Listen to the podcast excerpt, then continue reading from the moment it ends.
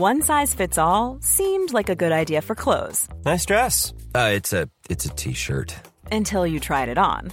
Same goes for your healthcare. That's why United Healthcare offers a variety of flexible, budget friendly coverage for medical, vision, dental, and more. So, whether you're between jobs, coming off a parent's plan, or even missed open enrollment, you can find the plan that fits you best. Find out more about United Healthcare coverage at uh1.com. That's uh1.com.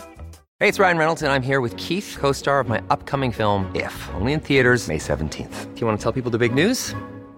All right, I'll do. Sign up now and you'll get unlimited for $15 a month and six months of Paramount Plus Essential Plan on us. Mintmobile.com slash switch. Upfront payment of $45 equivalent to $15 per month. Unlimited over 40 gigabytes per month. Face lower speeds. Videos at 480p. Active Mint customers by 531.24 get six months of Paramount Plus Essential Plan. Auto renews after six months. Offer ends May 31st, 2024. Separate Paramount Plus registration required. Terms and conditions apply if rated PG. Sekundene de går ganske fort, men det får vi håpe at du, Gjermund, gjør også. Og vi må ha klart for oss at fra det stedet vi først får øye på han, vil han bruke over to minutter inn. Over to minutter, helt sikkert.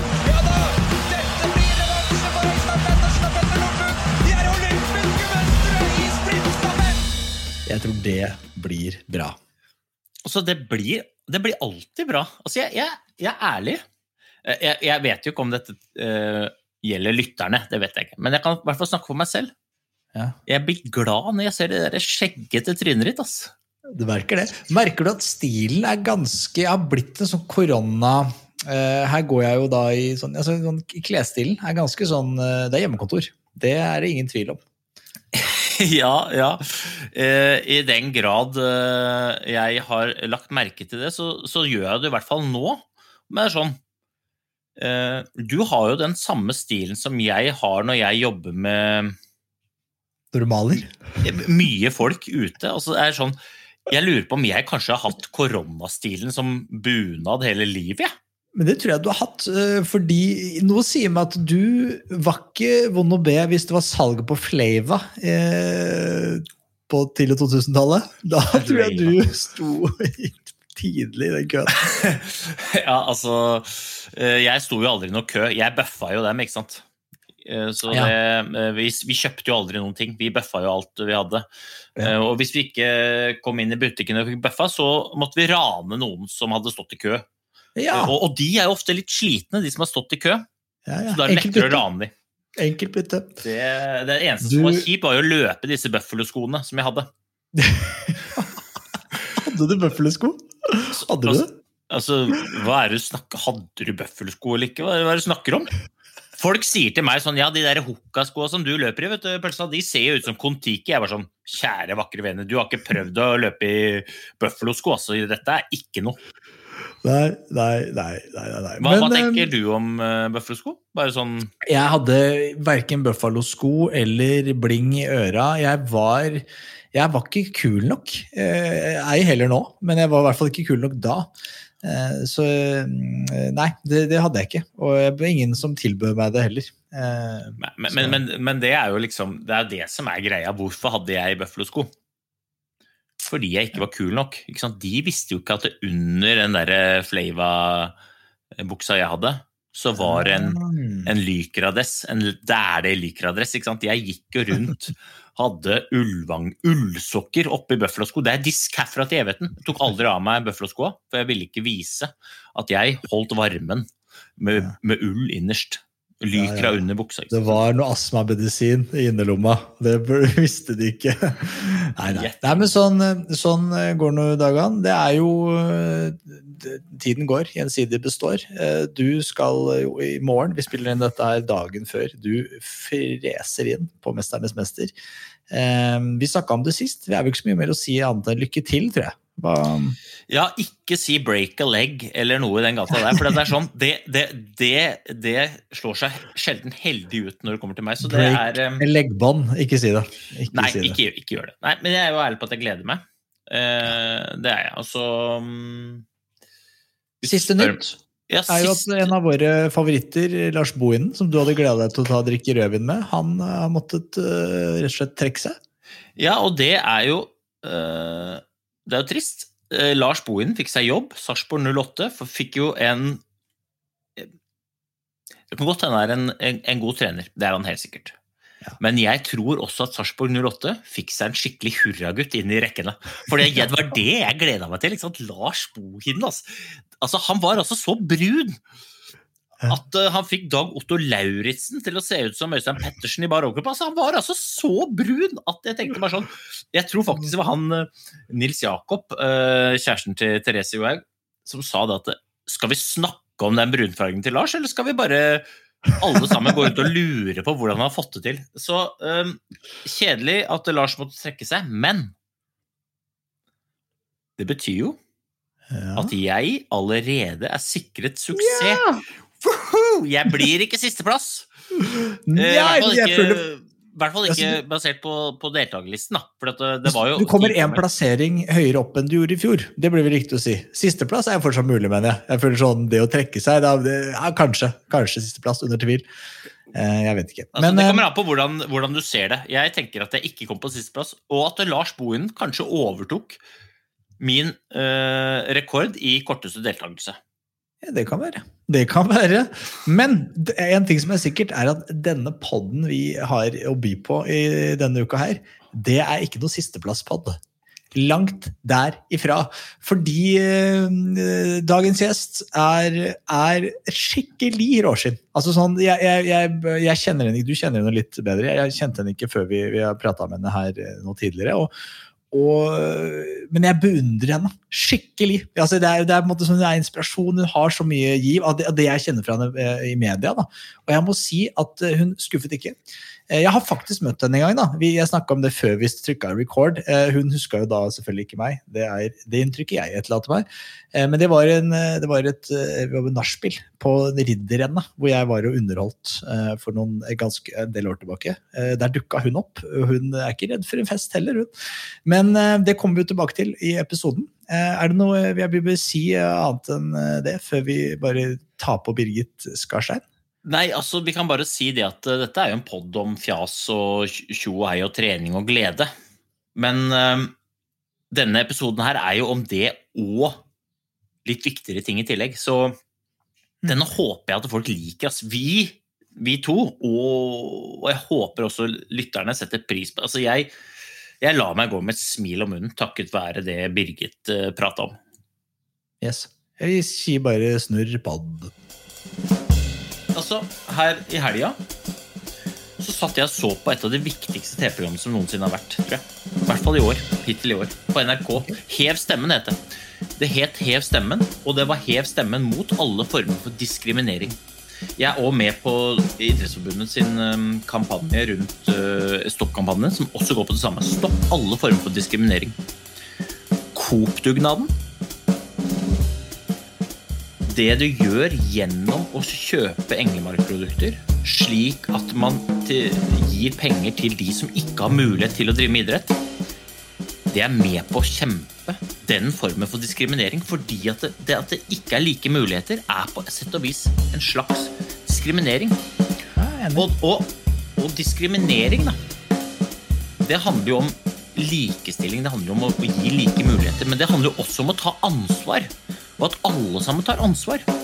Coop-dugnaden, det kan være din måte å ta ansvar for likestilling, og for at vi slutter alle former for eh, diskriminering.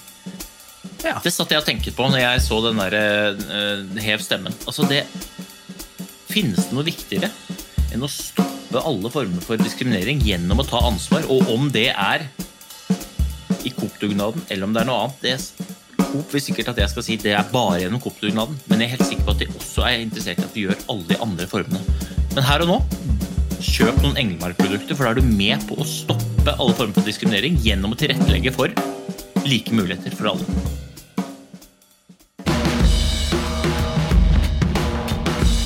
Vi har, vi har, fått besøk av en ønskegjest. Vi. Nok en ønskegjest. Eh, et av verdens største råskinn. Eh, det er en glede å ha deg med i podden, Birgit Skarstein. Takk for at jeg får komme! Ja, altså det var jo litt sånn Jeg følte vi hadde litt flaks her, Hanso. For jeg sendte jo en rolig melding til, til Birgit da, på, på, Instagram. Og da fikk jeg til svar sånn, sånn som at Øystein Pettersen, nå har du flaks, for dette podkast passer aldri i min timeplan. Men akkurat nå har jeg ferie og er liksom understimulert på sosial omgang. Vi kjører pod. Jeg, vet ikke, men Birgit, hvor mange dager og mange timer i året har du ferie? Var det liksom akkurat det vinduet jeg traff? Altså, denne uka her, da, og pga. Uh, karantene og korona og sånn, så har jeg ferie helt alene. Ja, så jeg sitter på et hotellrom i Nord-Italia alene en uke. så, det var, så, du kunne egentlig truffet hvordan som helst dag denne uka, da. Det skal du ha. Uh, men, men det, jeg føler jo at det her var jo uh, helt perfekt, Øystein. Det var en uh, superbra dag å få melding om å, om å være, komme og henge litt. ja, jeg skrev jo tilbake igjen det at flaks er jo ofte mellomnavnet mitt. Dessverre for meg så er ofte U fornavnet. Men du skal jo ha det, fordi du er så jovial. Sant? At du er så likende så ålreit. Så det å få lov til å bruke en kveld med deg, det er jo eh, bare luksus. Eh, sånn at eh, hvis du hadde vært utrivelig og uhuslig, eh, så om fu fuslig eller trivelig hadde vært mellomnavnet ditt, så hadde det vært vær. Men eh, fordi ja. du er ok, så, så, går det greit. Det er hyggelig. Det var en grunn til at jeg ikke nevnte at Hanso også var med. Det var det. Heldigvis er du fyselig. Heldigvis er du den fyslige av oss. Men, men hva, hva, innebærer ferie? Fordi jeg, jeg, tenker jo ferie nå, det er jo OL snart. Liksom. Hva, hva innebærer ferie for deg?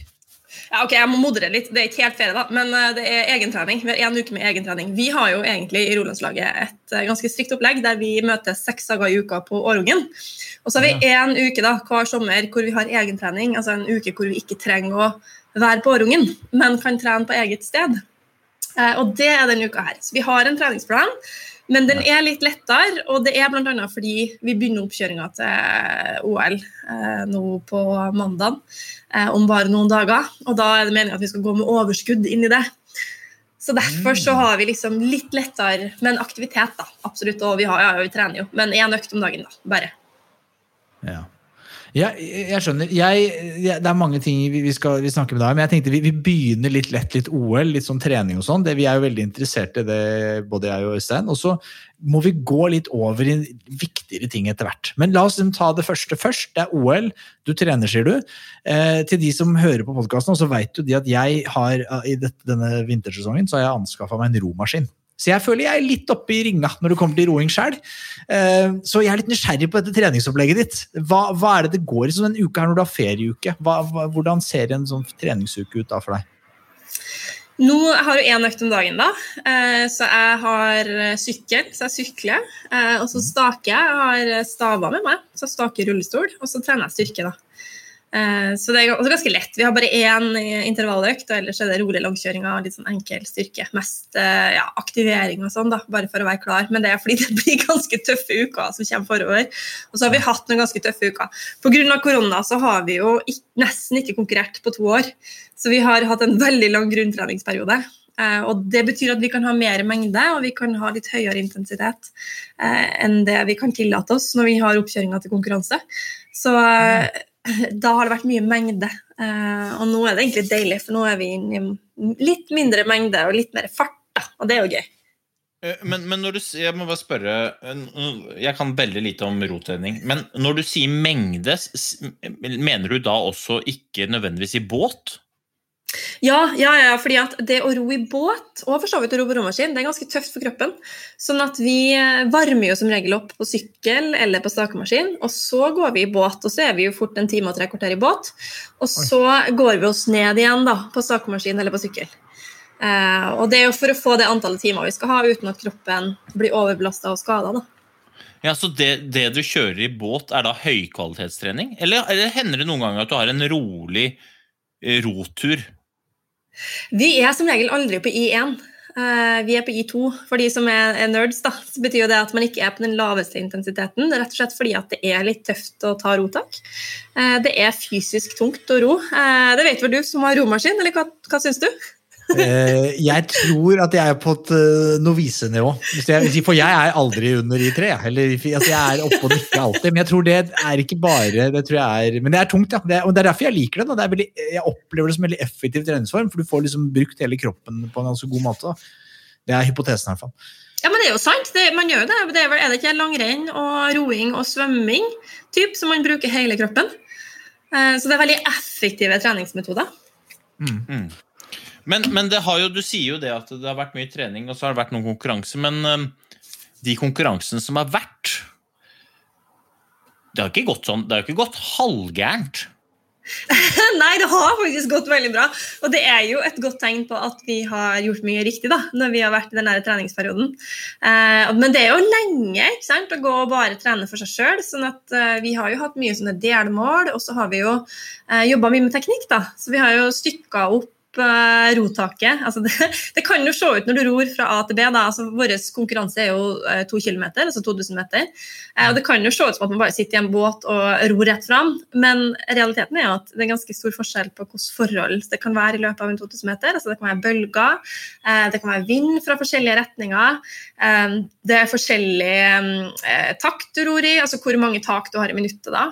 Hvor tungt du drar i hvert tak. Det er ganske mye variasjoner egentlig du kan ha i et rotak. Så vi har jo jobba med å plukke taket helt fra hverandre og så sette det sammen på nytt.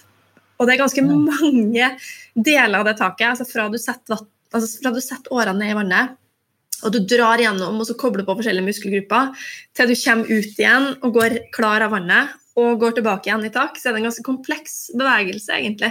Så vi har prøvd å stykke det opp litt med å dele opp taket og jobba veldig nerdete, faktisk, med de ulike delene av taket. Og på den måten prøvd å gjort at den perioden ikke skal være så himla lang, da. Men det er jo klart at det å ikke konkurrere på så lang tid, det, det gjør at du må jobbe en del med hodet for å, for å fortsette å, å, jobbe så grundig og godt, da. Så det er veldig deilig at det ja, har gått bra, fordi det har det vist at vi har i hvert fall klart gjort noe av det vi skal.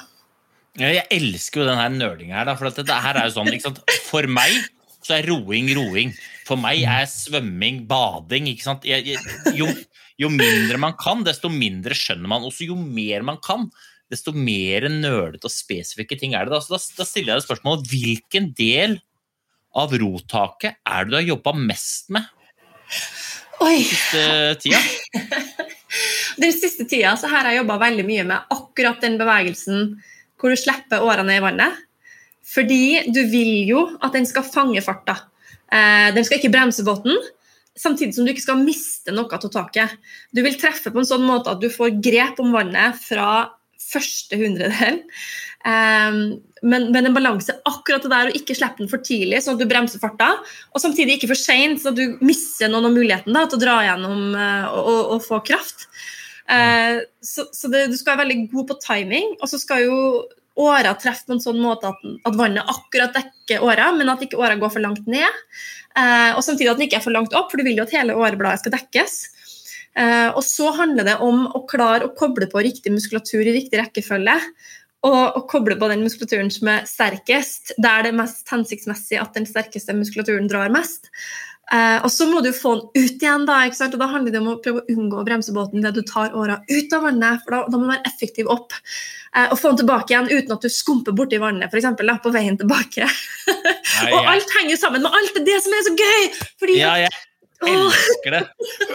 Men er det, er det sånn at uh, du, uh, Jeg kan jo kun sammenligne med staking, da, men er det litt det samme som med staking i forhold til timinga, i forhold til stavisettet, i forhold til fart, i forhold til hva slags type bevegelse er? Er det f.eks. en akserert bevegelse, et rotak, eller er det jevn kraft? eller er det, Hvordan er kraftutviklinga i taket? Nei, det er en akselerasjon, og det er litt sånn som staking. faktisk, altså Det handler om timing, det handler om å treffe riktig. Og så påvirkes jo alt av om det er litt vind fra venstre, f.eks. For eksempel. Fordi det treffer jo de to forskjellige årene litt forskjellig, så da må du jo eh, balansere, da. Eh, og så handler det jo litt om bølger. Plutselig kommer det kanskje noen sidelengsbølger, eller noen bølger fra framfra litt til høyre, eller bakfra litt til venstre, og så må du rette inn båten etter det. Eh, og så kan det være noen undervannsstrømmer som du ikke ser. ikke sant? Og så spiller jo eh, vanntemperaturen en rolle. Vinden, ikke minst, Hæ? spiller en rolle. Altså Alle verdensrekorder er jo satt i ganske bra medvind. Eh, er det varmt i vannet, så flyter båten litt mer. Er det saltvann, så flyter båten litt mer. Eh, og så kan du ha forskjellige vindforhold i løpet av en 2000 meter, så du må jo endre underveis. Og så har du det med taktikk å gjøre. Og det er en ting vi har jobba masse med det siste året, egentlig. Om pacing. Jeg vet ikke, Kanskje du kjenner igjen det her, Øystein, men, men det her er jo, vi har jobbet masse med folk fra Olympiatoppen. Eh, og det som er en helt klar teori, er jo det at de som er best på å pace, de har en mye større sannsynlighet for å gå av med den jevneste medaljen. Og det å pace riktig, det handler om å ligge så tett opp til det du har kapasitet til å holde over tid. Uh, uten å liksom gå over og smelle på en vegg, men samtidig ikke slippe deg for langt ned. Eh, klarer du å ligge så tett opp til din egen kapasitet som mulig, så er sannsynligheten størst for at du får ut mest mulig kraft da, i løpet av ett løp. Eh, og, og, da handler det om å peise jevnt. Det vi ser er at De som for går ut altfor hardt, sånn som jeg har hatt en tendens til å gjøre, ja. de går jo på en smell et eller annet sted. Mens de som da klarer å ligge på sin egen Eh, og peiser godt, da, ligger på sin egen kapasitet, de tar jo igjen de som går på en smell, og vinner da til slutt, statistisk sett. Har du jobba noe med det her, Øystein? altså, jeg har jobba masse med det spesielt. Jeg kjenner meg mest igjen kanskje i prolog, da, hvor jeg på en måte ble gående alene. De beste prologene det var de prologene som kosta minst. De verste prologene det var de hvor jeg fløy ut, krabba inn. Bare sånn. Ja, ja! ja. spesielt er det Spesielt er det i høyden. Da skal jeg fortelle en historie. Det her, det her tror jeg faen meg er alene om i hele verden, men det var en gang jeg gikk i høyden i Davos. Og Vi starter med 15 sekunds startmellomrom, og i Davos er det enormt sånn lang startsette på den gamle løypa. Det var sånn 700-800 meter slakt oppover, så snudde vi, og så gikk vi tilbake. Og da tok jeg igjen han pokalen foran meg i prologen. Og så sprakk jeg, og så slo han samme meg i prologen totalt sett. Ja. Da snakker vi at jeg tar han igjen med 15 sekunder. Han går fra meg med mer enn 15 sekunder. Oi, oi, oi. Og jeg, ble, jeg ble da, hadde altså så uflaks, så jeg ble nummer 30 i den prologen, som gjorde at da måtte jeg ut og gå kvartfinale. Da husker jeg satt nede på et hotell i Davos og spydde oppi ei bøtte, for jeg hadde, var så, så sur i muskulaturen. Og tenkte det her er jo bare tull. Og når det blir nummer 30 i kvartfinalen, så er det kvartfinale i én på det gamle systemet. Så jeg sto der og bare Dette går jo ikke. Heldigvis for meg, Tobias Fredriksson og en annen uh, pokal tryna, så jeg, jeg, ble ikke, jeg, ble ikke, nummer 30. Men hadde det ikke vært for at de rota det til, så hadde jeg, hadde ikke vært til å stille opp engang. Men det, er, jeg, det som jeg syns er gøy med den, det du snakker om, da, Birgit, det er jo at uh, det er så mange ting bak det å skape en topprestasjon som på en måte ikke nødvendigvis folk har et helt forhold til. For det, er det vi ser når vi ser på TV, det er folk som ror, det er folk som staker, det er folk som løper. Men jo høyere nivå det er, desto mer detaljer er det. da, Og det er de små detaljene som gjør den store forskjellen. Liksom. Sånn, mm. hvor du setter åra i vannet. For meg, sånn, Du setter den i vannet, og så ror du. ikke sant? Men det er fordi at jeg er ræva til å ro. Men, men hvordan, hvordan, er det som man jobber med disse tingene? Er det, er det trenere? Er det, det, er det, ser man på film fra hvordan du har gjort det før, og så bruker man tiden da på ting, nå har vi tid, nå skal vi på en måte rette på teknikken? Hvordan er det man går frem, liksom? Nei, vi, altså, Når vi har jobba med å plukke fra hverandre rotak og satt det sammen igjen, så har vi jo bare rett og slett plukka det inn i forskjellige elementer. Så har vi jobba med hver del, da, hvert, hver element. Eh, og så har vi satt det sammen til slutt. Og når det kommer til pacing, så har vi jo bare jobba med GPS. Tatt eh, masse sånne intervaller da, som vi har gjort med GPS. Sendt data til Fredrik som heter på Olympiatoppen, som sitter og analyserer det. Eh, og Så kommer han med tilbakemelding. Eh, og Så stemmer vi av hvordan vi følte det da, i forhold til og med forhold og vind og vann og strøm og sånne ting. i forhold til hvordan det slår ut. Eh, og Så kommer han med direkte tilbakemeldinger på det her kan du gjøre bedre. Gjør sånn, prøv sånn, prøv sånn. Og så gjør vi det på neste. Her må du sørge for å holde takta litt høyere. ikke sant? Eller eh, på intervall 8 og 10 har du avvik, eh, mens, mens 9 og 12 var veldig bra. Hva gjorde du forskjell der? Og så sitter vi og tenker over det sjøl og diskuterer med treneren. Og sånn da. Eh, og så altså, vi bruker vi kort løp som eh, trening også. Så det har jo rodd med GPS i båten i alle løpene jeg har gjort. Så det første jeg gjorde nå, da, f.eks. i siste verdenscup, eh, hvor jeg, eh, jeg, satte to verdensrekorder, og så hadde jeg to løp som ikke var så bra. Og Da samla jeg jo data fra alle de fire løpene, og da ser jeg jo ganske fort hvordan de verdensrekordløpene skiller seg ut fra de andre, og hva jeg har gjort riktig der. Og noe av det jeg gjorde helt riktig, var at jeg peisa veldig bra. Så at jeg, jeg rodde veldig jevnt. har, det som er oppskriften da, for et godt løp for min del, det er jo å gå ut, og så har du en 10-15 tak, altså en rundt 100 meter, 150 meter kanskje, i starten, hvor du ror ganske fort. Hvor du har høy takt, hvor du egentlig nesten spurter litt da, for å komme inn i løpet i en, en god eh, posisjon. Men så handler det om å ikke gå på en smell. Altså, du har på en måte ti gratis tak hvor du ikke drar på deg masse melkesyre. Men da må du roe ned, ellers så, så får du mye melkesyre. Og roing er jo en melkesyreidrett. Jeg kjenner meg veldig igjen i det Øystein sier med å sitte og spy over en bøtte. og det er om å gjøre å få den spyfølelsen så sent som mulig, da. Og, eh, og, så går vi ned og legger oss på en ganske jevn eh, fart. Og så holder vi den farta, som vil jo avhenge selvfølgelig av vind, og sånn, for det påvirker jo bort farta, men at vi i hvert fall legger sånn ca. samme kraft i båten hele veien, og så spurter vi som bare rakkeren de siste 250 meteren, typisk. Eh, og, og, da kan du jo se om eh, hva, både hva som er liksom, gjennomsnittshastigheten gjennom hele løpet, og så kan du stykke det opp vi stykker det som regel opp i 500 meter. da, 2000 meter som blir til første 500, andre 500, tredje 500 og siste 500. Eh, og du vil jo at de siste, den siste 500 skal jo helst være den raskeste raskeste. Da. Altså, den første 500 skal også være ganske rask, og de i midten, de 1000 meterne i midten skal være veldig stabile, aller helst. Men så må du jo følge med på det som skjer taktisk også, da, i løpet. Eh, sånn at hvis noen går, så må man jo måtte vite litt hva du holder med hvis du velger å ikke gå samtidig. Om det er lurt å ikke miste helt kontakt med feltet, i hvert fall. Eh, eller i hvert fall ha litt kontroll på din egen kapasitet, så du er litt trygg på at du kan ta igjen dem hvis de stikker av. ja, for Det er jo dette som er spennende. for Jeg, jeg, jeg syns roing er veldig spennende å se på TV. Det burde vært vist mye mer. Eh, og noe av det som er gøy, er jo det å se at du ser alltid Ofte er det en, en eller annen sjekker eller sånn som bare peiser i gang, og tenker du sånn Hva er det? Tufte! Birgit, hva er det dere holder på med? Dere må jo følge, følge på! Men så, men så er, er det veldig sjelden den dumme sjekkeren ender opp med å vinne. ikke sant? For den, han har jo bare, eller han eller hun har jo bare drusa på. Eh, og, og, men du må være litt kald. Jeg tror ikke jeg hadde ting som pakker heller. Det, altså, da må jeg bare sette etter. Ellers så, altså, man må jo være litt kald her. og det, er, er, det liksom, er, det det å måte, bare drite helt i hva de andre gjør, og bare tenke at jeg har kontroll på min egen pace, jeg har øvd på dette, jeg har sett på GPS-resultatene, og jeg bare står i det? Eller er det det at du faktisk For jeg tror, jeg, jeg tror i mitt eget hode tenker sånn Hvis du blir for fokusert på hva som skjer rundt deg, det er vel da du begynner å ro på følelser? Eller? Det der er jo en balansegang. da, fordi at eh, På den ene sida vil du jo ikke miste kontakten med feltet, fordi plutselig så holder de helt inn. Eh, det kan skje, ikke sant? og da er det greit at de ikke er altfor langt unna. Men veldig ofte så sprekker de jo, da. Og da handler det om det mange ganger jeg har rodd løp, og så ser jeg en som går. Og så ser jeg på taktklokka, som jo forteller også hvor fort det går. Og så tenker jeg bare sånn Det der har ikke du kapasitet til å holde. og da er det bare is i magen.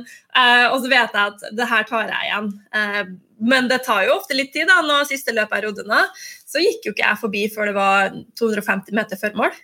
Av 2000 meter så er jo det et stykke. Og da på altså, Si at jeg ikke hadde hatt så mye å spurte med deg, så hadde hun tatt meg. Så du skal jo du skal kjenne kroppen din ganske godt da, for å vite eh, akkurat hvilken fart du skal legge deg på. Og så kan det jo være det som er veldig spennende med Tokyo, for eksempel, er jo at det, der er det så varmt. Og det er så høy luftfuktighet. Og det fikk jeg også kjent litt på det løpet som var her nå, fordi det var veldig varmt på den første dagen. Og da samsvarte ikke den tida på klokka med sånn som jeg følte kroppen min. Og jeg kjenner jo kroppen veldig godt, for jeg jobber jo med kroppen min som verktøy. Mm. Eh, og når den da ikke stemte, da ble jeg litt stressa, for da kjente jeg sånn Oi, shit, liksom, her er det vanskelig for meg å pace, det er vanskelig for meg å beregne tid. Fordi jeg vet ikke helt hva kapasiteten min er nå, for jeg kjenner ikke igjen kroppen min, for den reagerer på en veldig rar måte.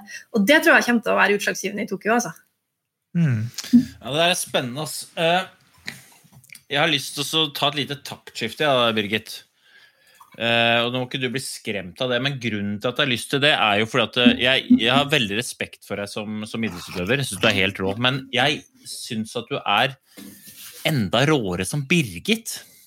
Eh, og så er jeg så nysgjerrig på hvem, hvem Birgit egentlig er, og den derre historien din. Det er jo mange som kjenner historien din, men eh, kan du ikke bare Kan du ikke raskt bare helt superraskt fortelle hvordan du, du ble lam? Bare sånn så, så, de som ikke har fått med seg det, får med seg det. For jeg har så mange spørsmål som jeg virkelig lurer på, som jeg bare må stille. Ja, ja, ja. Um, jo, jeg var i en badelykke som 19-åring. Uh, og da hoppa jeg uti sjøen uh, fra en sånn liten mur. Uh, og så traff jeg et eller annet, vi vet helt hva det var, mest sannsynlig var det noe søppel eller noe, som lå under sanda. Og så skada jeg det ene beinet ganske stygt. og så ble det, den foten ble ganske dårlig. Jeg fikk en sånn um, kjøttetende bakterie som begynte å spise opp den innvendig. og sånn. Så jeg var ganske dårlig en god stund. Og så ble jeg bra fra det. Og kom meg opp igjen og begynte å gå igjen. og var helt fint. Tok ti måneder med behandling. Men så pga. den kjøttetende bakterien så hadde den spist opp en del av leggbeinet. Så jeg skulle flytte litt bein fra den høyre hofta og ned i den venstre leggen. Og da fikk jeg en epiduralbedøvelse, så ikke det skulle gjøre så vondt i hofta. Ikke skulle gjøre så vondt i ankelen og leggen. Eh, og den epiduralen, den gikk feil. Den, da traff det i ryggmargen.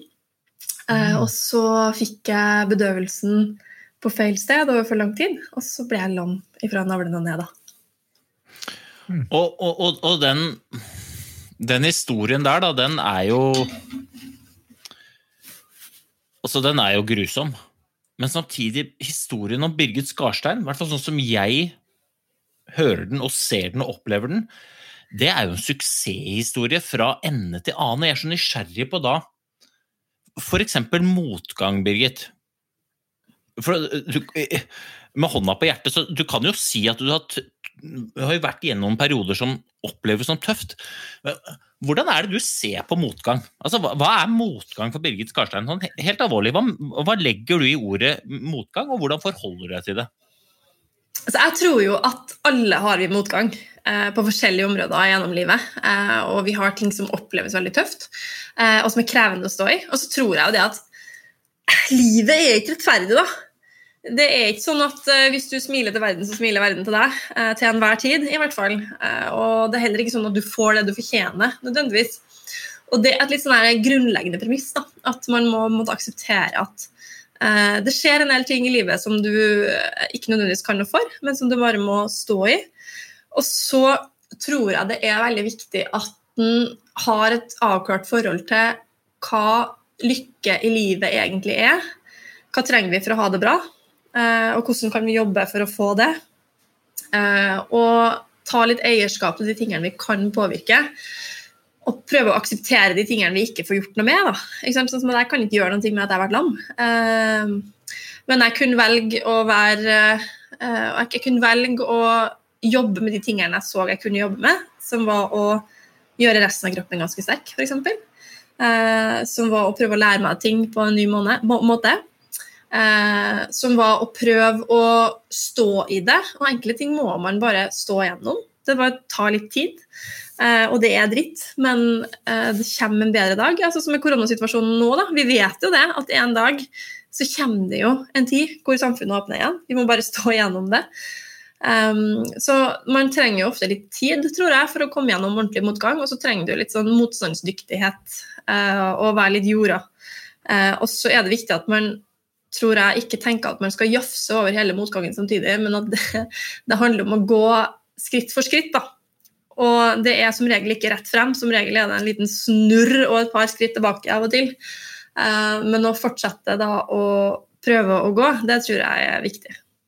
Jeg må bare før du begynner, Hanso. Eh, det er så mange ting du sier. Herregud, dette, jeg syns det er så gøy å høre deg snakke. Og, men, men, men det er så mange som jeg opplever som Hvis det skjer noe med de, så blir jo det veldig definerende for hvem de er. F.eks. denne ulykken, da. Men jeg føler jo nesten at du gjør det motsatt. At du tar istedenfor å la uh, den ulykken definere hvem du er, så definerer du hva den ulykken kan brukes til. Altså jeg, på en måte, jeg opplever at du angriper den situasjonen og bruker den som en årsak til å flytte deg framover, istedenfor en unnskyldning for å ikke gjøre noe. Er det riktig oppfatta, eller er det bevisst eller ubevisst? Eller det, hva tenker du rundt det? Det har jeg ikke tenkt over. Eh, det er jo snedig at du ser det på den måten. Eh, nei, altså jeg, jeg tenker jo egentlig liksom at jeg er jo det samme mennesket som jeg var før jeg ble skada. Eh, og har jo veldig mange av de samme drømmene og det samme engasjementet og samme energien og samme interessene og er jo det samme mennesket. Det er bare det at jeg lever med en kropp som er litt annerledes. Um, og så har det kanskje vært litt viktig for meg å eh, få lov til å fortsette å definere hvem jeg er sjøl. I hvert fall ikke la andre definere hvem jeg skal være, eller hva som skal være mine muligheter ut ifra hva de tenker at jeg kan, eller hva de tenker at mine muligheter er men at jeg faktisk skal få lov til å prøve og gå på trynet og eventuelt få det til sjøl. Eh, og det mener jeg jo er litt mer grunnleggende for alle mennesker. da, At ikke vi skal drive og definere hverandres virkelighet, men at vi skal gi hverandre rom og mulighet til å realisere de drømmene og de ønskene vi har. Eh, det er så fort gjort ikke sant? At, vi, at vi ser på andre, og så gjør vi oss opp masse meninger om hvem de er, og hva de kan og ikke kan, sånn ut fra hva vi ser. Men det er jo ikke nødvendigvis sant. Og det tenker jeg er viktig med barn òg, spesielt unge, at de skal få lov til å utvikle seg eh, for å nå sine egne mål. At ikke vi skal legge mål i, i hendene på dem. Eller hva, hva, tenker du om det? egentlig? Du har jobba masse med barn og unge. Jeg syns du er inne på noe veldig spennende. For det første så syns jeg jo, når jeg ser deg, da så ser jeg Birgit. ikke sant? Jeg ser ikke rullestolen og jeg ser ikke at du er lam, jeg ser Birgit, og jeg, jeg lar meg inspirere av den Birgit er. Altså, jeg, jeg heier på deg i, i, båten din og på, i kjelken, jeg, liksom. Men jeg heier mye mer på deg som Birgit. Eh, og jeg lar meg ikke verken dra deg opp eller ned av hvordan du presterer uh, i, i, konkurranse og idrett. For jeg ser på deg som en, en mye større inspirasjonskilde enn hvor fort du ror. Men jeg heier på deg, forstå meg rett. Men, men, når det gjelder barn, da, så synes jeg det er spennende, for det er sånn vi sier til ungene våre at du kan bli hva du vil. Og så mellom linjene der sånn, så sier vi jo liksom du kan bli statsminister, du kan bli prinsesse, du kan bli astronaut. Men tenk det vi egentlig mener, er jo at du har frihet til å velge det du vil. Du kan bli lastebilsjåfør, eller du kan bli lærer, eller du kan bli astronaut, eller du kan bli Erna Solberg. Du kan bli det du vil. Men det er viktig at det er det du vil, da. og så skal vi heie på deg for det. Eh, og det er kanskje lettere å Kanskje lettere å få til det hvis man er igjennom en sånn greie som du har vært, gjennom at da skjønner man Da får man jo litt perspektiv på hva lykke er, mer enn hvis man bare surfer gjennom eh, livet på en rosa sky og tror at uh, motgang er at man må sitte på et hjemmekontor, og at det største problemet er at det hjemmekontoret er litt nærme kjøleskapet. For å være litt uh, sette det på spissen. Jeg, jeg, vet ikke. Ja, men det tror jeg. Jeg husker veldig godt jeg tenkte på det sjøl rett etter at jeg ble lam. Så tenkte jeg, Det første jeg tenkte, var faktisk sånn at uh, jeg kan jo ikke bli lam. Det passer jo ikke for meg. jeg er jo altfor rastløs til å sitte i rullestol. Det går jo ikke, liksom. Det er jo ikke mulig. Ikke, jeg klarte ikke i mitt hode å se for meg at jeg som var så, ikke hadde ro i ræva, skulle klare å sitte i en rullestol. Det var, det var, på en måte ikke kompatibelt med det mennesket jeg var. Eh, til å så liksom var det å sette meg ned og tenke sånn, ok, greit, men, men hva er et lykkelig liv for meg? Hva trenger jeg for å ha det bra? Jo, jeg trenger venner og familie. Jeg trenger de menneskene jeg er glad i. De menneskene som betyr noe rundt meg, de trenger jeg. Og så trenger jeg å drive på med et eller annet som jeg syns er meningsfullt, som har verdi, som gir meg noen ting. da. Det trenger jeg å, å kunne holde på med. Og så trenger jeg å komme meg ut i naturen. Kan jeg fortsette med de tre? Ja, det kan jeg. Ok, greit, liksom. Men da, da kan jeg være lykkelig. Og det, altså når du snakker om koronapandemien, det samme, jeg satte meg ned og tenkte på det også når Norge stengte ned, og i hvert fall Oslo, da, der som jeg har bodd, som har vært sosialt nedstengt veldig lenge. Og tenkte liksom, ok, greit, men hva, hva, trenger jeg for å komme meg gjennom denne perioden? Jeg vet jo at det går over på et eller annet tidspunkt, men hvordan skal jeg gjøre dagene så meningsfulle som mulig? Jo, jeg trenger struktur. Jeg trenger rutine. Jeg trenger å stå opp for å gjøre noen ting hver dag. Jeg trenger å ha et mål. Jeg trenger å kunne fortsette å gjøre jobben min på en eller annen måte jeg trenger å ha kontakt med venner og familie, om så digitalt, greit, liksom, men jeg må ha et kontaktpunkt med et menneske jeg er glad i hver dag. Og så må jeg komme meg ut. Klarer jeg de tre, så har jeg, har jeg de tre hver dag. Da skal jeg klare å komme gjennom det her.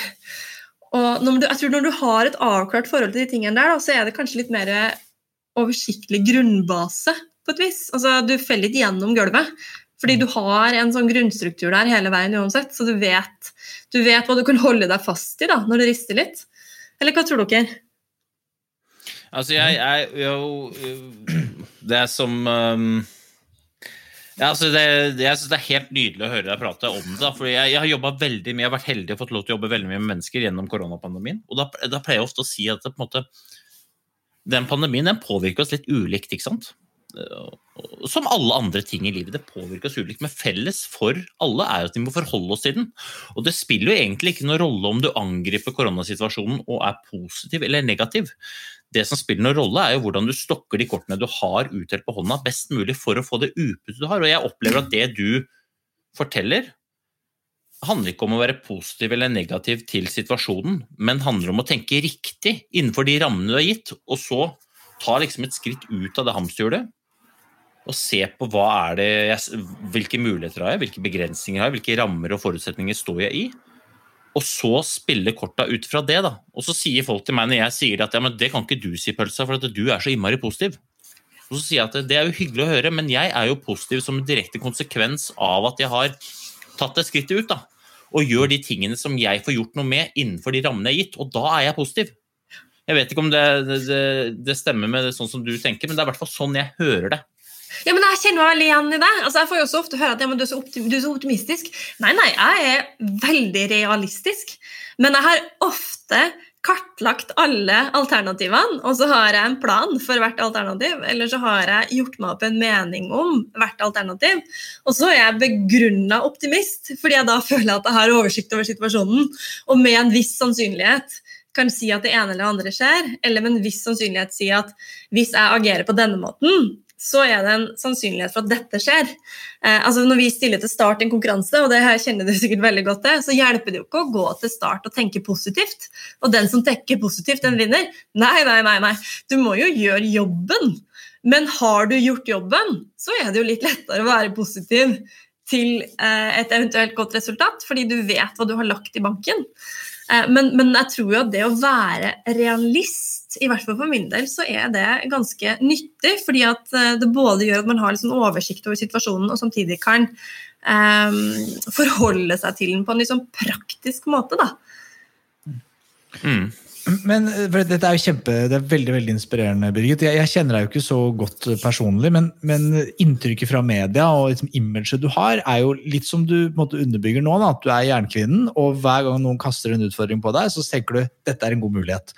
Og det, det digger jeg. Men er det sant? Har du aldri et svakt øyeblikk, og, og når i så fall har du svake øyeblikk? Er det aldri sånn at du er litt sur og grinete, og så når du tenker deg om to uker etterpå, så faen, hva er deg der på med? Skjer det aldri deg? Jo, klart det gjør det. Få noen eksempler. Altså, vi, nei, altså, vi har jo perioder hvor vi trener veldig mye, f.eks. Eh, og da blir vi jo veldig sliten. Og da blir man ganske mottakelig.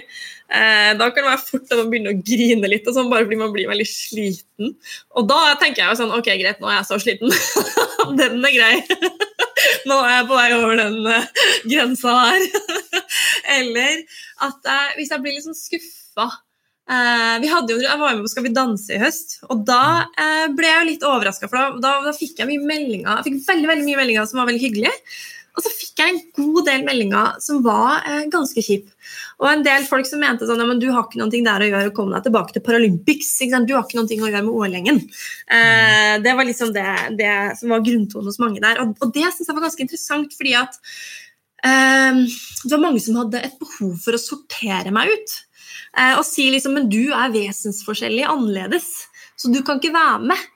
Eh, og da kjente jeg faktisk da, da var jeg ganske skuffa, for jeg trodde at vi som samfunn hadde kommet litt lenger. Fordi at jeg mener jo dypt inni meg at vi alle bare er variasjoner av forskjellige mennesker, og at vi i bunn og grunn har en kjerne til felles, da, og det at vi er forskjellige, er en, en styrke da, for vårt samfunn.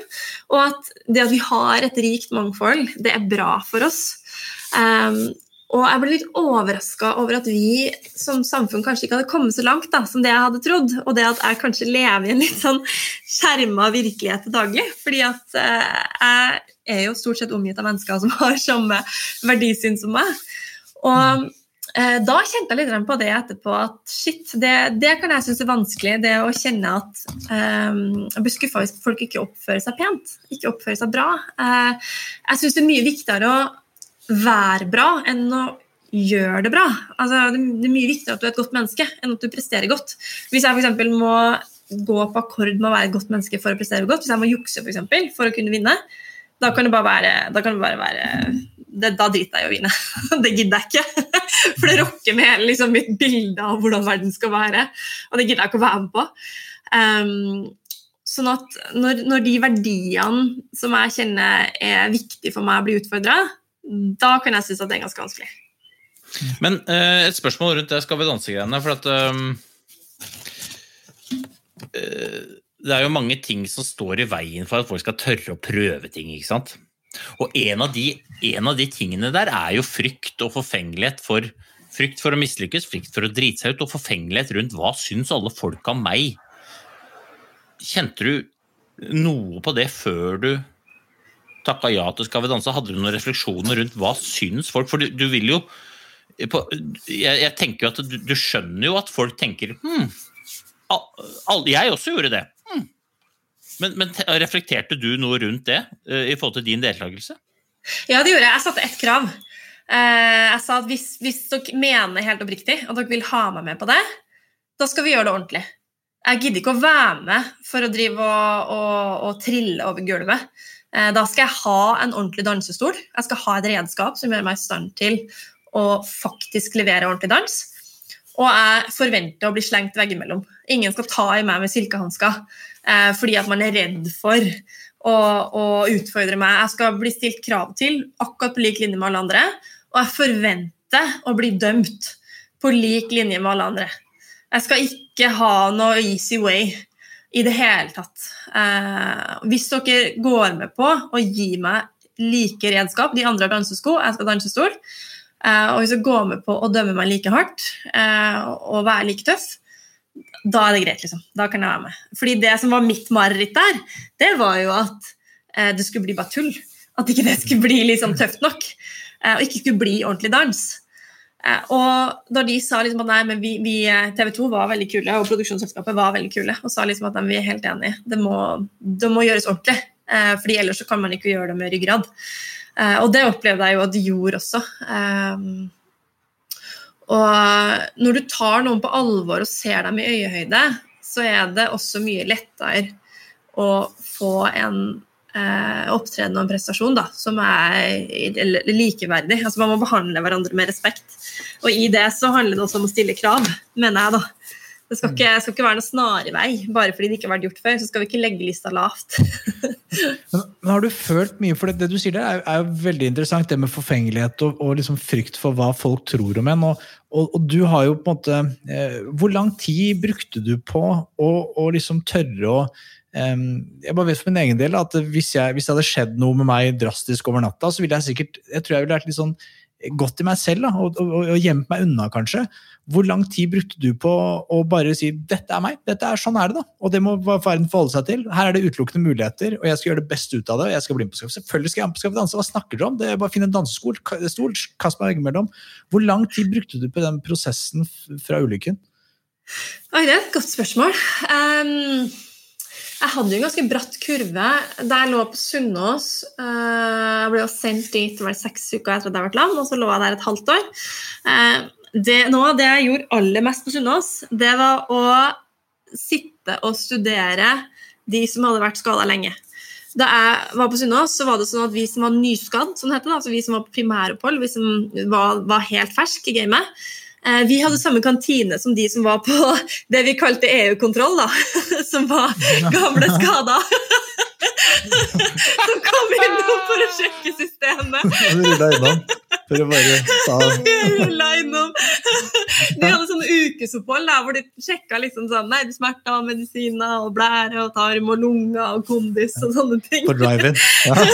så jeg satt i kantina, og så studerte jeg de folka. Fordi jeg tenkte sånn, Her har vi erfarne fjellfolk. jeg er newbie, dette er erfarne fjellfolk. Jeg må følge med på hvordan de løser livet. For det, det, det er ikke noe håndbok i å være lam. Eh, det hadde vært skikkelig digg hvis du kunne våkna og vært sånn her Oppskrift, vær så god, sånn gjør du det. Sånn er det ikke. Du må finne ut av veldig mye sjøl. Så jeg tenkte sånn, hvis jeg kan lære av de, så kanskje kan jeg komme meg litt kjappere framover. Så jeg fulgte med på hvordan de flytta seg fra stolen over til vanlig stol, eh, hvordan de gikk inn og ut av bil, hvordan de kledde på seg, hvordan de frakta kaffekopp med én hånd og rulla rullestol med den andre, hvordan de fikk med seg mat, hvordan de hoppa dørterskler og fortauskanter. Eh, så det ganske kjapt ble en del bedre. Og så skjønte jeg jo også at eh, hvis jeg vil leve det livet jeg vil ha, med den friheten jeg vil ha, så må jeg krabbe mye. Jeg kan ikke, bli, jeg kan ikke være redd for å bli skitten på ræva. Jeg må bare få meg buksa som er slitesterk, og så må jeg, jeg må krabbe.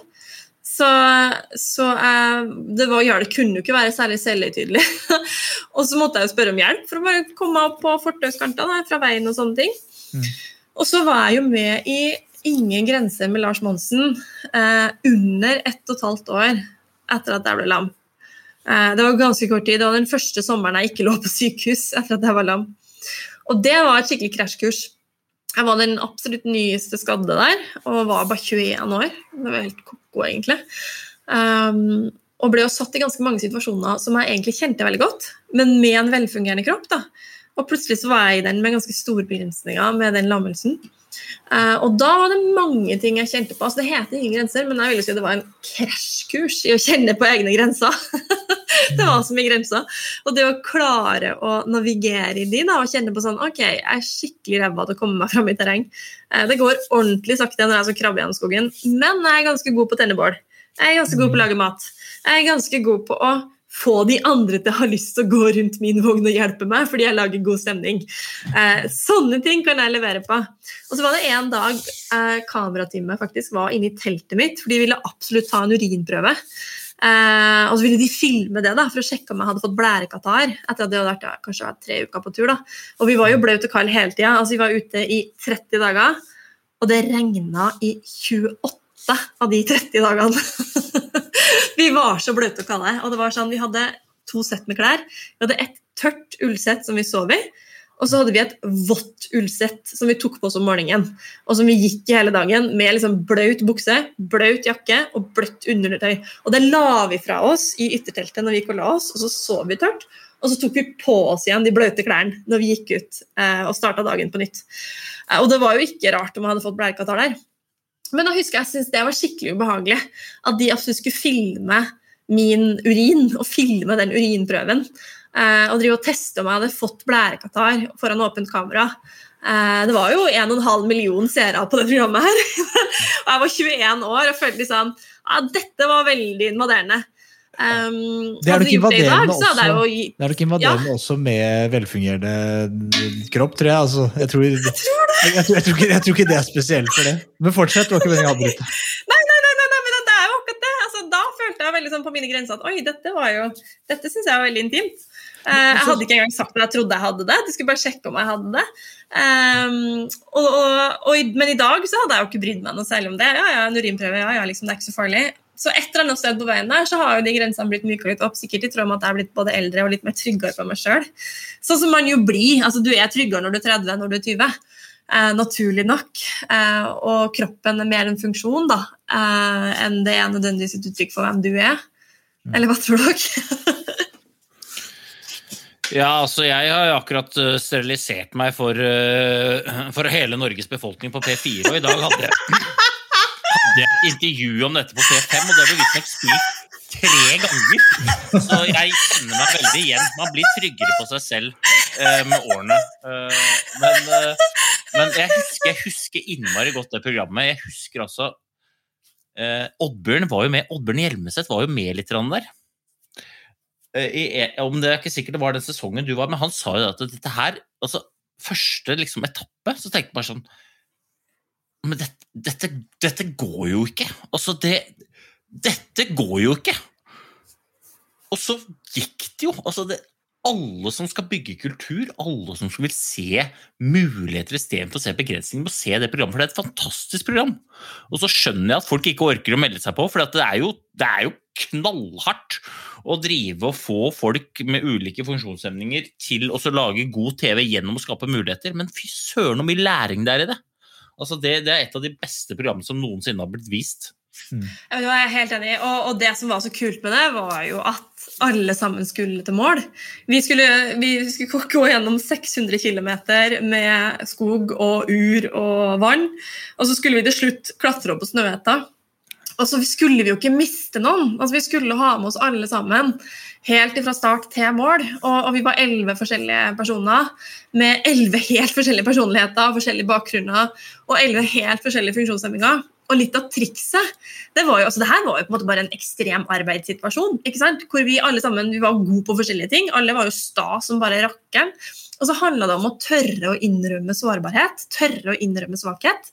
Og samtidig tørre å være ærlig og tydelig på styrke og det du var god på. Og så handla det om å klare å eh, fylle ut hverandre da, og jobbe som et team. Og det er jo kjempevanskelig, men utrolig gøy når du får det til. Ja, og der er jeg tilbake til det vi snakka om i stad. Liksom. Det spiller jo ingen rolle om du forholder deg til å gå på Snøhetta og er positiv eller negativ. Altså Det det hjalp jo ikke han blinde som ikke kunne gå noen verdens ting. Det han måtte gjøre, var jo å ta ett skritt ut og ikke nødvendigvis se på problemet, for det klarte han jo ikke, men få perspektiv på det på et eller annet vis, og så se hvordan det skal løse situasjonen.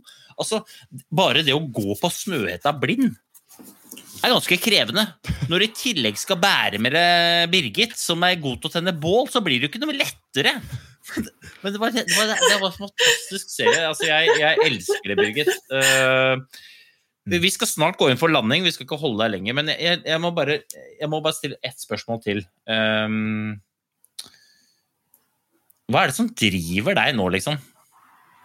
Hva, hva, er det, hva er det som får deg opp om morgenen og tenker nå fortsetter jeg gønne på? Hva er det?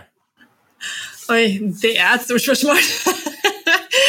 um, vi har jo noen mål, da. Noen ting vi har lyst til å få til. Uh, sånn rent sportslig, sånn helt praktisk. Uh, og så vet jeg jo at hvis vi skal få til de målene Jeg syns det er veldig gøy det der å kunne ha en kombinasjon mellom langsiktige, hårete mål og kunne jobbe med å stykke opp de da, ned på liksom år, ned på måned, ned på uke, ned på dag. Og så dedikere liksom så mye av livet til å få lov til å jobbe mot de målene. Det syns jeg er veldig gøy og veldig givende. Um, og det at laget skal nå de målene laget har satt seg. Vi jobber jo veldig tett med å, å, støtte hverandre i de prosessene. Vi jobber tett sammen. Og så balansere det med å finne glede i hverdagen. Da. For jeg tror jo faktisk at mye av den livskvaliteten vi har, mye av den livsgleden i hvert fall jeg har, da, det kommer i de små tingene. Um, jeg er så fryktelig glad i å leve. jeg syns det er så fantastisk at vi får lov til å leve. Uh, jeg blir jo mobba litt på laget, da, for de mener jo at jeg, at jeg kan være sånn gladkristen. som er sånn, kommer på trening om morgenen og er sånn Sett hvor utrolig crispy lufta er i dag? Det er fantastisk! Kjenn på hvordan det er å puste den lufta! og det kan være sånn Å, gud, klokka sju om morgenen, kan du være så snill? Jeg orker ikke. Jeg kan være sånn Ja, men kjenn, da! Det er jo helt fantastisk! Tenk at vi er her nå! De kan være sånn Å, herregud, jeg orker ikke. Og jeg har kjørt så mange ganger forbi Årungen og tenkt fy faen så glad jeg er for at jeg ikke, slipper, altså, ikke sitter på den båten der nå i den krispe lufta og fryser. Der er det meg i et nøtteskall. ikke sant? Ja, du har stått dine økter, du òg, Øystein. Fy søren, altså. Men jeg tror du ikke det, at, at det, liksom det å klare å glede seg over sånne enkle ting i hverdagen, det gjør jo at hverdagen også kan bli ganske fin. Hvis man er takknemlig da, og tenker sånn Å, shit, så utrolig deilig måltid det her var. Oi, tenk at jeg kan ringe min beste venninne når som helst og, og, og snakke med noen jeg er glad i. Tenk at vi kan stå opp hver dag. Vi er så heldige.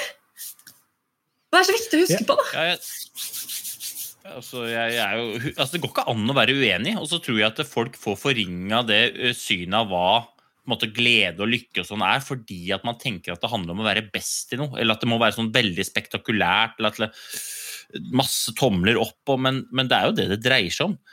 For meg er det jo en lykkefølelse hver dag jeg kan sende ungene ut av døra på vei til barnehage og skole uten at noen har grini. Da kan jeg liksom bare Oho, ingen grein!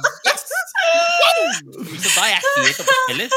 I dag gikk det ikke. Guttungen, ikke noe iPad til frokost. Det var hyling og skriking. Men, liksom, men det er jo de der små tingene der som gjør det artig. Jeg er jo helt enig med det. Men, men mm. helt, før vi lar deg gå helt, Birgit, fordi du, du, er virkelig en ledestjerne. Jeg mener det, og du inspirerer. og jeg mener det, kampen liksom sånn, du, du, Likestilling, jeg assosierer det med deg. Både liksom, kvinner må med, ta mer plass, få mer de skulle sagt. Det er åpenbart en viktig sak, og der føler jeg at du er en god representant, i tillegg til selvfølgelig funksjonshemmede. Men, men også er det gjennom idretten du har, har gjort det enn så lenge. Men, men, eh, på et eller annet tidspunkt så vil du kanskje gå lei av å stake og ro osv. Og hva gjør Birgit Skarstein da? Hvis man skal bare, La oss vi drømmer litt her i poden. Jeg nekter å tro at du vil slutte å, å, å, spre positive vibber og prøve å endre verden til det bedre, men hvor vil du fokusere? Oi, det er et veldig godt spørsmål. Jeg er faktisk ikke helt sikker. Men um, jeg driver jo og plukker med litt sånn småting på si da, av idretten. Jeg syns det er veldig nyttig og fint og lærerikt å kunne jobbe med litt andre ting også, for å få brukt den på flere måter. Og jeg syns jo det er veldig gøy å jobbe med samfunnspåvirkning. Eh, Jeg har jo sittet noen år i bystyret i Oslo, og har også sittet med en litt forskjellige styreverv. Som er veldig gøy, fordi da kan man være med og legge litt premissene og bygge litt steiner og sånn for det samfunnet som jeg tror på. Jeg tror jo veldig på et inkluderende og raust fellesskap, og det vil jeg veldig gjerne vi skal ha. Eh, og så syns jeg det er veldig gøy å jobbe litt med media og sånn, fordi da når du ut til så mange folk. Og jeg tror at jo mer vi kan normalisere et veldig stort fellesskap, eh, jo større sannsynligheten for at de som vokser opp nå, for eksempel, skal forvente det. Eh, Dattera til venninna meg sa jo liksom her en dag at 'mamma, kan menn bli statsminister?' Eh, og det var sånn, Selvfølgelig kan du det, men du vet jo bare om Erna Solberg. Selvfølgelig gjør du det. ikke sant? og det er sånn, eh, og, og samme jenta sa også 'mamma, kan menn bli sjef?' Eh, fordi hun kjente bare kvinnelige sjefer. ikke sant? Og det er sånn, men hvis vi klarer å lage en verden hvor selvfølgelig skal menn kunne være sjef, og selvfølgelig skal menn kunne være statsminister, på akkurat samme måte som at en kvinne kan det, på akkurat samme måte som at en som ikke kan se det, kan det, eller en som ikke kan gå, um, fordi at vi skal se hverandre som de menneskene vi er, og de ressursene vi er. Så det er litt vanskelig å si akkurat hvilken rolle jeg kommer til å ende opp i, tror jeg. Men jeg har jo studert statsvitenskap. Jeg har faktisk studert eh, krig. Jeg har, jeg har ti studiepoeng i folkemord. Jeg tror ikke jeg skal gå den veien. Håper ikke du får bruk for det, da. Det er bare, sånn, bare et håp fra enkle gutter i båten.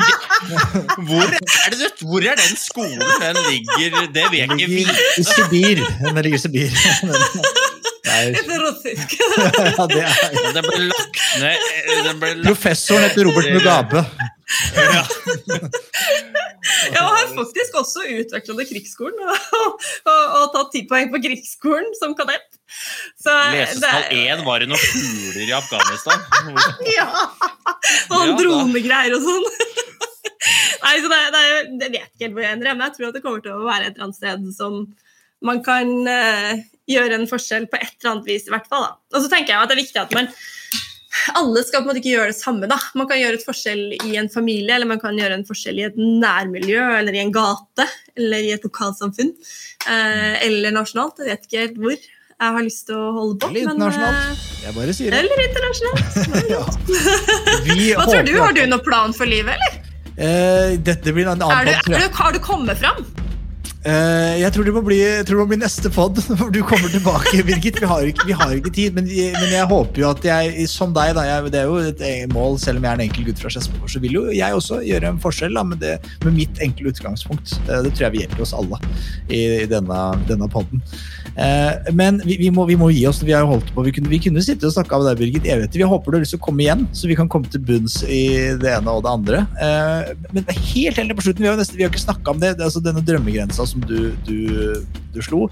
Det lover veldig godt for OL. Så vi, og hvis, vi, har ikke noe, vi, har, har høye forventninger, vi har høyt håp, men, men vi er åpne for alt. Men, men det, en ting jeg tenkte på den drømmegrensa, eh, det, det var da 2000 meter, som du rodde på ti minutter. ikke sant? Eh, Stemmer det?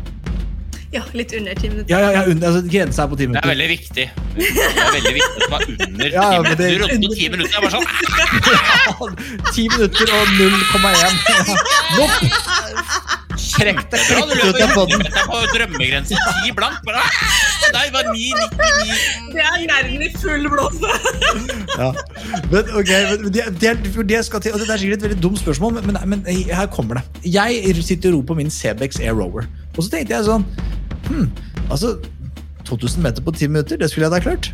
Og, men så skjønner jeg at her er det et eller annet jeg, det er et eller annet jeg misser, for jeg er helt sikker på at med likt utgangspunkt så hadde du smadra meg. For det, er jeg helt sikker på. Så er det det at jeg kan bruke beina også, som gjør at jeg får, får rodd mye raskere? Og er det det at Eller hva, hva bare, Dette er veldig eh, lavpraktisk, men jeg må ha forklaringa. Det er nok to ting her. Da. Det ene er at du bruker bein. Eh, og det er jo 70% av et rotak, egentlig. Og så er det 20% mage, rygg, hofte. Og så er det 10 armer. Eh, og jeg ror jo hovedsakelig med armer og øvre del av rygg og øvre del av bryst. Eh, og så er det det at du ror på romaskin, og vi ror på vann. Det er en ganske stor forskjell, fordi romaskin er mye kraft. Mens når du er på vann, så har du ganske store tekniske element i tillegg. Annet at du ikke skal eh, sette glipptak da, og velte båten, f.eks.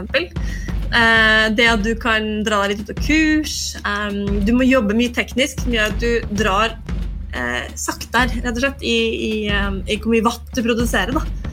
Her har du challengen din, Hans. og Nå tar du i morgen så tar du med deg romaskineri, så hopper du ut på vippekaia, og så prøver du å ro på den romaskina. Alt du kan. Så ser du hva du bruker på 2000 meter. Ja. Jeg er jævlig spent på tida. Jo, men, men, jeg, jeg har skjønt at balansen i altså, altså, Sannsynligvis jeg hadde satt meg Jeg og Øystein hadde satt oss i en båt, så hadde vi bare kalva på stedet. Hadde vi ikke det? Altså, det er ganske, det, sånn, balansen der er ganske det, det, Vi er veldig smale. Veldig sånn upraktiske og ro. Ja, Du skal ha så høy da i tillegg. Du hadde jo hatt helt Du hadde faen ikke Du måtte rodd i katamaran. Jeg bør ikke ro stående. Det er jo ikke det er jo dårlig idé. Nei, men allikevel så er du fortsatt Du er jo, du er jo 1,70 over vannet når du sitter med 90 grader i hofta. Altså, det går jo ikke. Okay. Du vil jo stå og se ut som du er på sup. Det er jo helt håpløst. Det ser bra ut langt ifra, men det er langt ifra bra. Nå må vi gi oss. Nei, vi må gi oss med de ordene der. Det var, men uh, Birgit, du er, en- er, du er en ledestjerne. Det er ikke mer å si. Vi er fans. Vi er håper du har lyst til å komme tilbake. Uh, tusen takk for at du gadd å tippe inn. Ha det! Hei.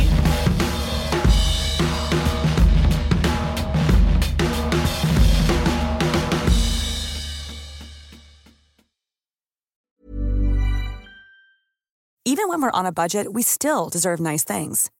Quince is a place to scoop up stunning high-end goods for 50 to 80% less than similar brands.